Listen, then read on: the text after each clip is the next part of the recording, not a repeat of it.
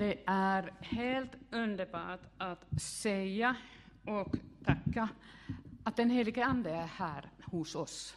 Här i det här rummet och hos dig där hemma. Och hans uppgift är ju här ikväll att eh, möta dig, möta mig med det som finns behov i ditt liv just nu ikväll. Jag kommer ihåg en, en kväll för många år sedan när jag satt på ett möte och eh, lyssnade på en sång och helt plötsligt gjorde helige Ande någonting alldeles underbart.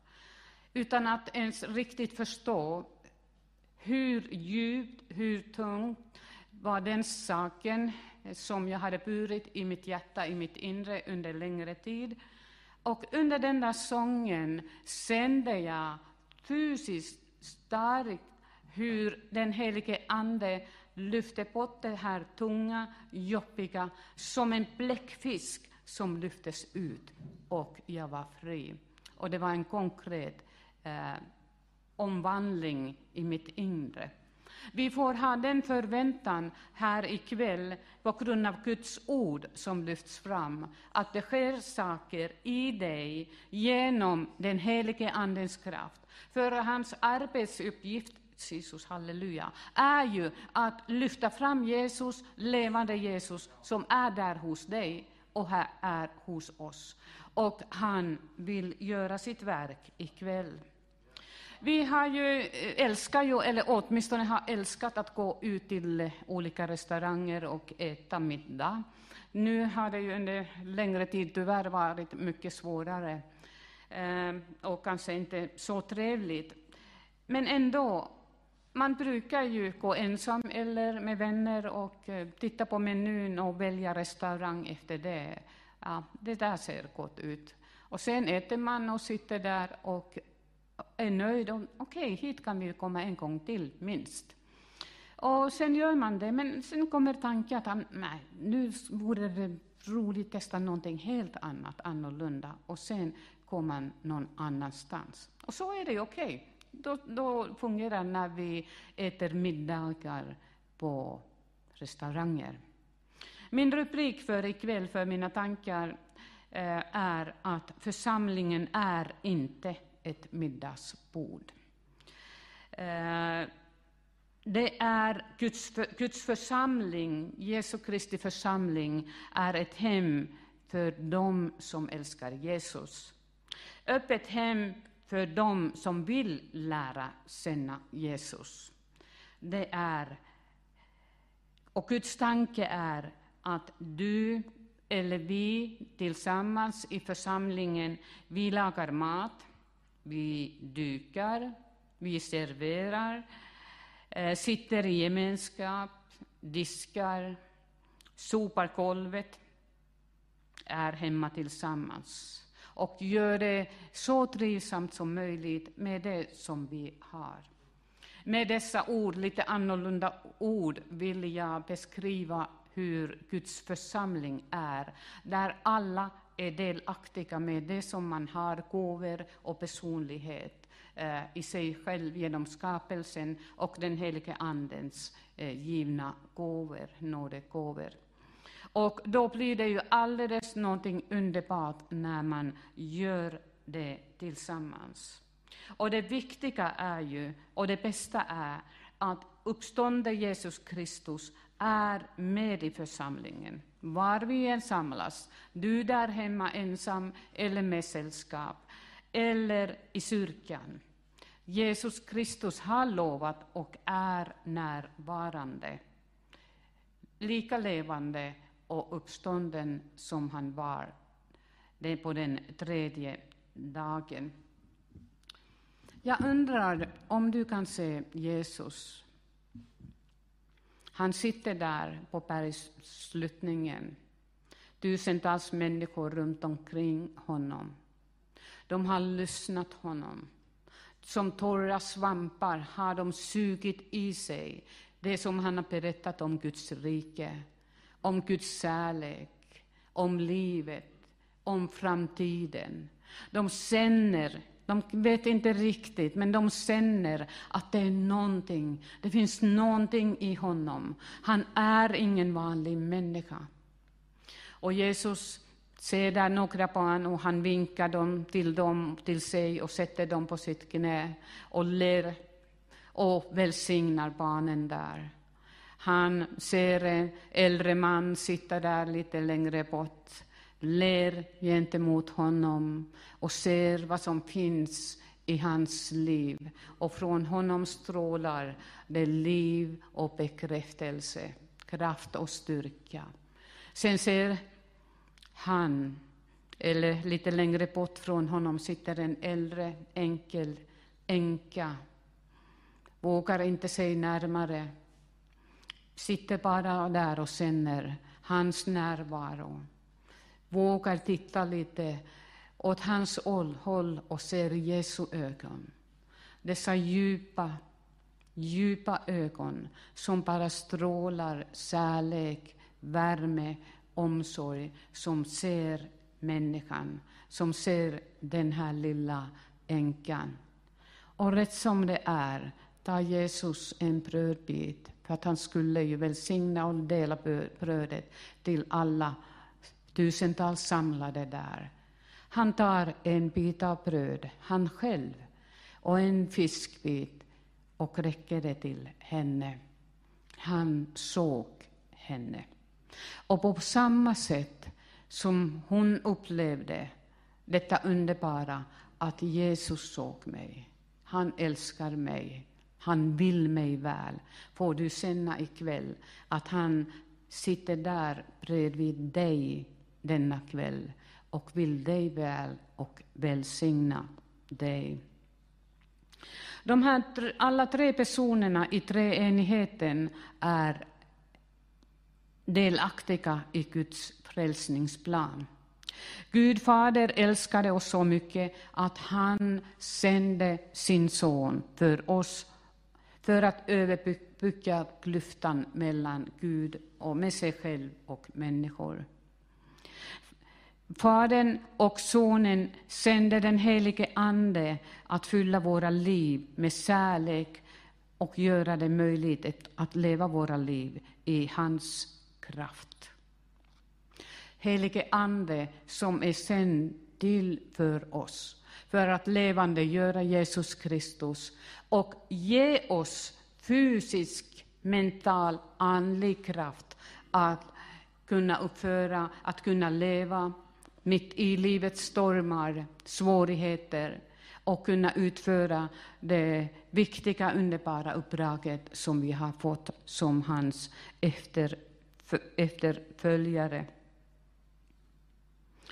Och den kärleken som genom den helige Ande utlöstes över församlingen skapade ett syskongemenskap av enastående karaktär.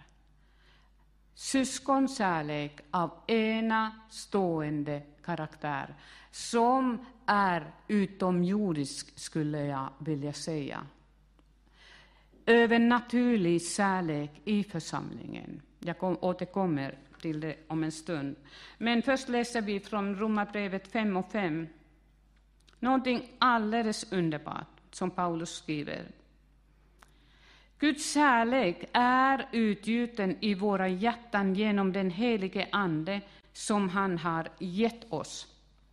Alltså, Gud har gett oss helige Ande Sigillet, helige Andens gåva, som han har lovat till alla människor som tror på Jesus Kristus och vill ta emot det. Och det här häpnadsväckande, häpnadsväckande, Guds kärlek, alltså samma kärlek som finns i Guds hjärta, för dig, för hela mänskligheten, har han utgjutit i våra hjärtan. Alltså Guds kärlek finns där och den vill inte vara stilla. Den vill flöda ut, så som det flödar ut från Guds hjärta.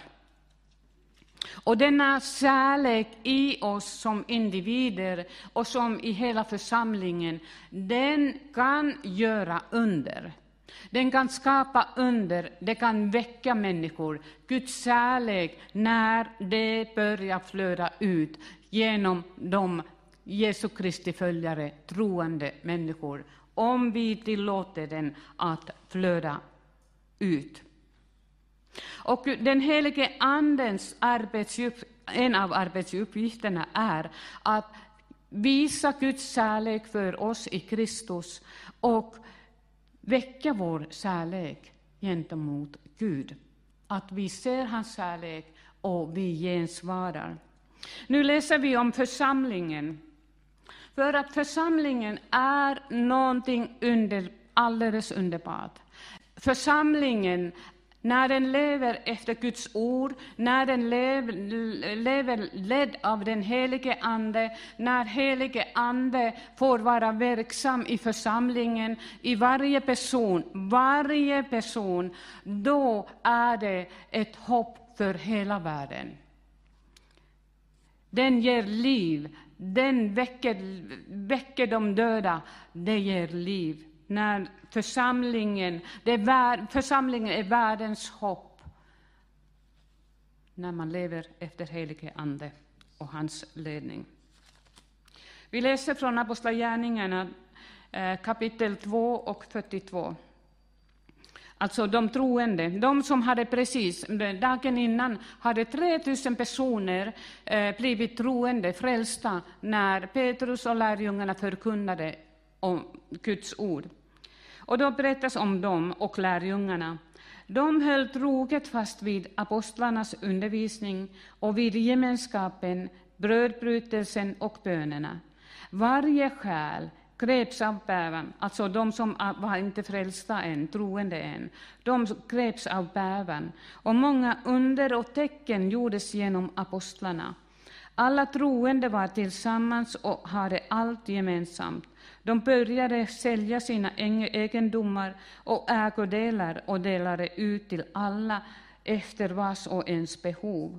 Varje dag var de troget och enigt tillsammans i templet och i hemmen bröt de bröd och delade måltid med varandra i jublande innerlig glädje.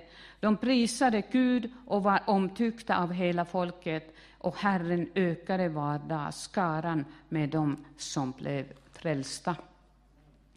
Eh, det här är ju någonting som vi längtar efter nu, att vi kan vara varje dag tillsammans om vi så vill, och att vi kan eh, ha, ha gemenskap. Tyvärr är det ju inte möjligt nu, men vi får i tron be att Gud blåser bort covid-19-viruset, både från Södermanland, Eskilstuna, Sverige och hela världen, att människorna får sina, sin frihet att röra på sig och leva y en Men den här var ju eh, en, en, bild av församlingslivet. Men det här att de sålde sina eh, egendomar och delade eh, ekonomi, eller pengar med varandra, det var ju en speciell helige Andes ledning för den församlingen. För att någon tid efter det där visste helige Ande att det skulle bli förföljelse och troende fick fly från Jerusalem och många håll. Och det var inte de troendes kvalitet, duktighet, som gör församlingen, utan Kristus verklighet som de samlas omkring. Alltså inte det att troende människor är duktiga, utan det att Jesus Kristus vandrar mitt i bland dem. De, genom Kristus har de blivit till och lever av. Och detta är ju viktigt, att vi erkänner vårt beroende av honom. Och kommande världens, Guds rikes krafter, krafter är mäktigt verkande i församlingen. Om vi läser till, om vi tror på ordet, så lika väl som under apostlagärningarna, så lika väl är det idag att Guds rikes mäktiga krafter är närvarande, arbetande i församlingen i sin mäktiga kraft. Bilden som församlingen, Kristi kropp, att vi, församlingen är ett Kristi kropp, får sin övernaturliga kraft genom den helige Ande. Helige Ande som lyfte Jesus Kristus från graven, gör, gjorde honom levande, lever i oss. Han vill göra under även idag genom sin församling, genom dig. Vi läser här det underbara som finns i dig och mig. Johannes evangeliet åt det här hållet. Johannes evangeliet 7 och eh, 37. På sista dagen, den största i högtiden, stod Jesus och ropade Om någon är törstig, kom till mig och drick. Den som tror på mig, som skriften säger, ur hans innersta ska strömmar av levande vatten flyta fram. Detta sade han om anden som de skulle få som trodde på honom. Alltså det här underbara. Först kallar Jesus, kom till mig och drick, så får du den helige Ande i dig och i ditt liv. Och detta ande blir en källa i dig till andra människor. Det som flödar in flödar till andra, om vi tillåter den flöda vidare. Vatten som ger evigt liv. Eh, jag läser bara här innan till lite snabbt från Korinthierbrevet, första Korinthierbrevet 4.20. Guds rike består inte i ord utan i kraft. Och i första kåren 2 och 4.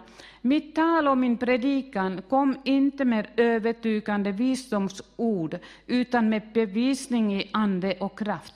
Er tro skulle inte bygga på människors visdom utan på Guds kraft. Eh, när apostlarna, när de förkunnade eh, ordet, första dagen 3000 människor kom till tro på Jesus Kristus. Och samma är det idag, när vi i tron, ledda av den helige Ande, förkunnar Jesus Kristus och, och, och, ordet, då börjar det hända någonting människor. Helige Ande väcker människor till liv. De får en stung i sina hjärtan och de förstår, jag måste omvända mig. Jag har syndat, jag måste göra någonting, jag måste omvända mig. Det är inte de som förkunnar eller vittnar deras vackra fina ord, det är Guds ord genom den helige Ande som väcker människor, helar människor, befriar människor. Och Gud vill väcka Jesus Kristus vill väcka sin församling idag för att se det som tidens tecken säger och som Anden i oss säger, Jesu återkomst är nära. Och det är en befrielsens dag. Det är inte sorgen eller rädslan dag, det är en befrielse. Anden säger att se vad som händer utöver världen och förstå att tiden är inne. Och nu måste vi skynda på innan, innan det är dags så att de sista kan komma in i Guds rike och att Jesus Kristus kan komma. Vi, när man säger Jesus kommer snart, så då ska vi bli ännu mer arbetsamma för att komma ut med evangeliet. Och första Thessaloniki-brevet 1 och 5. För vår evangelium kom till er, inte bara i ord, utan också med kraft och den helige Ande och full, full visshet. Alltså att den helige Ande ger en full visshet, detta är sant. Detta som Bibeln beskriver är verklighet, fast vi inte ser. Men vi tror. Vi kan bygga ark i, i tron som Noa gjorde, hånad och, och spottad och föraktad. Men han brydde sig inte om. Han såg, så som Mose gjorde också, han såg det som inte syntes än och han orkade, och det är det som vi ska också göra hur jobbigt det än är, vi ska följa Jesus och utföra det verket som han visar för oss. För att för oss alla finns det steg för steg för steg arbetsuppgifter, förutbestämda gärningar som Jesus vill göra för att du kan förmedla det här eviga vattnet, det vattnet som Jesus Kristus ger, för att de personerna i din omgivning kan bli frälsta.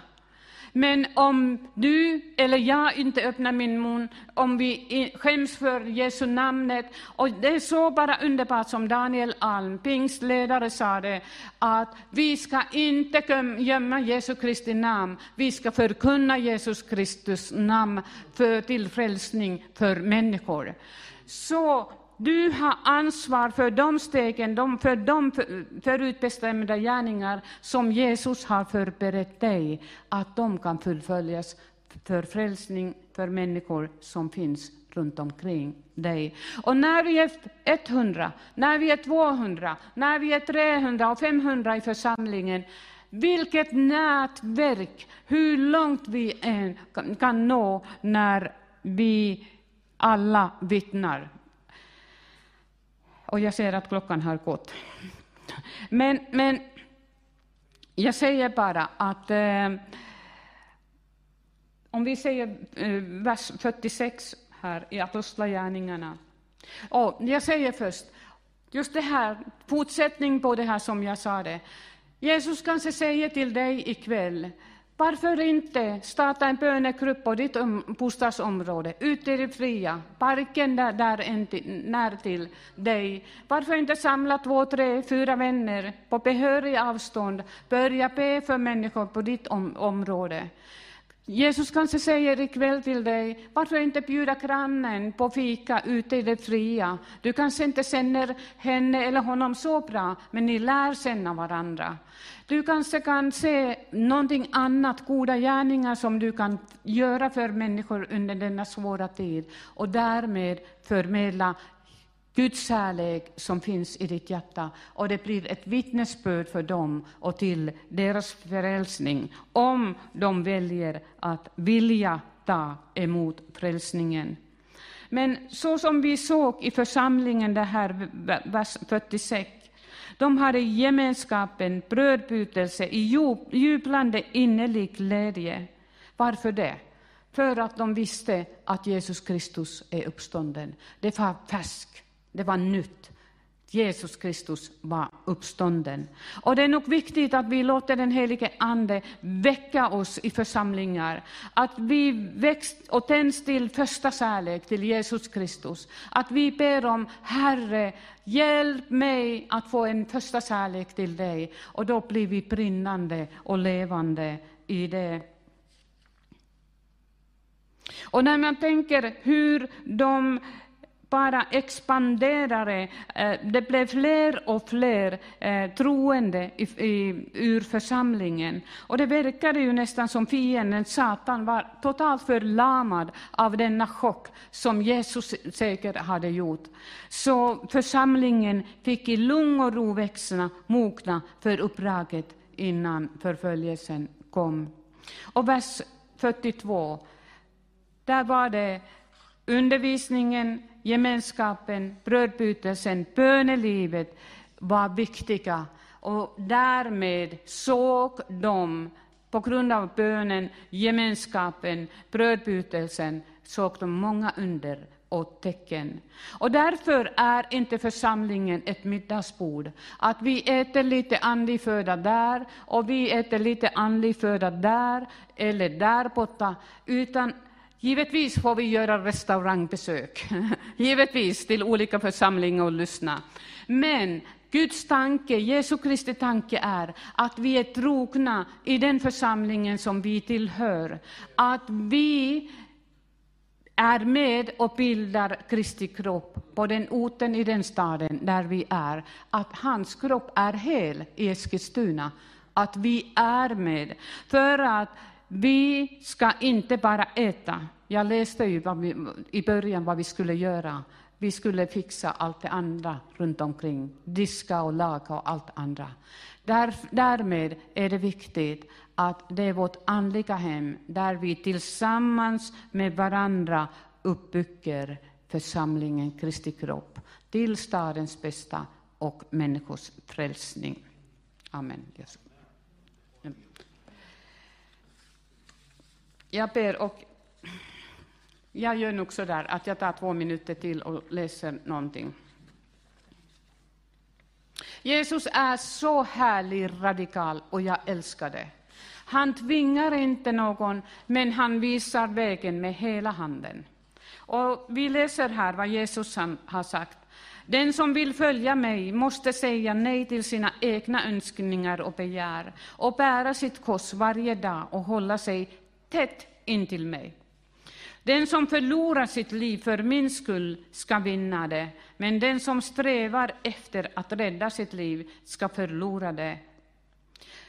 Den, de här underbara paradoxer som finns i, i Bibeln. Jesus säger, om du väljer att vara egoistisk, individualistisk, som vill bara förverkliga dig själv, det som känns jättebra för dig och som är alldeles underbart och fint för dig. Du väljer alltid det som är bäst för dig, det som du tänker för, hur ditt liv ska gå framåt. Men när Jesus säger, då förlorar du det fast du kanske inte tror på det. Men han säger, om du väljer den vägen som jag visar dig, det är arbete, det är möda, det är svett och tårar ibland, men alldeles underbart, för jag lovar dig, säger Jesus, att den vägen ger dig ett meningsfullt verkligt liv som du inte kommer ångra när du står framför dig. Så tveka inte att följa efter mig, för jag har en orsak varför jag har kallat dig, varför jag leder dig på det sättet som leder till hjälp för de människor som jag älskar. Detta budskap är till oss alla och kanske speciellt för någon. Tack Herre Jesus Kristus att du är så radikalt underbar. Tack Herre att du daltar inte med oss. Du daltar inte med oss. Du säger, jag bjuder detta fullständiga underbara livet, men det är du som väljer det. Tack Herre Jesus. Och tack Herre när vi säger, Herre, här är min hand, ta, ta det och mm, följ med mig, eller jag vill följa med dig. Tack Herre att du ger kraften i helige Ande. Tack att du ger ledningen, undervisningen, allt det där som vi behöver. Även om det är svettigt och även om det är jobbigt, så är det ändå värt det Herre, för att då går vi ju tillsammans med dig Herre. Åh Jesus, jag tackar att du är här. Du står bredvid varenda en i det här rummet. Tack att du står bredvid varenda en där hemma. Och jag Herre tackar att den helige Andens kraft kommer nu över den som säger Jesus hjälp mig, Jesus hjälp mig. Och tack Herre att i Jesu Kristi namn din kraft kommer ner. Din kraft kommer ner och tar bort depressionen, mörkret, den tar bort sjukdomar Jesus Kristus i ditt namn. Den tar bundenhet, det som bara binder och vill slå ner. Det tar bort, hjälper med svåra relationer. Åh Herre, allt, allt kan du och i, eh, i dig kan vi allt. Jesus, jag tackar för de undren som du har gjort, gjort ikväll, för att det behövs inget mer än ord. Jesus, hjälp mig, och du är där och hjälper. Amen. Amen, amen. Tack för den underbara undervisningen om ett så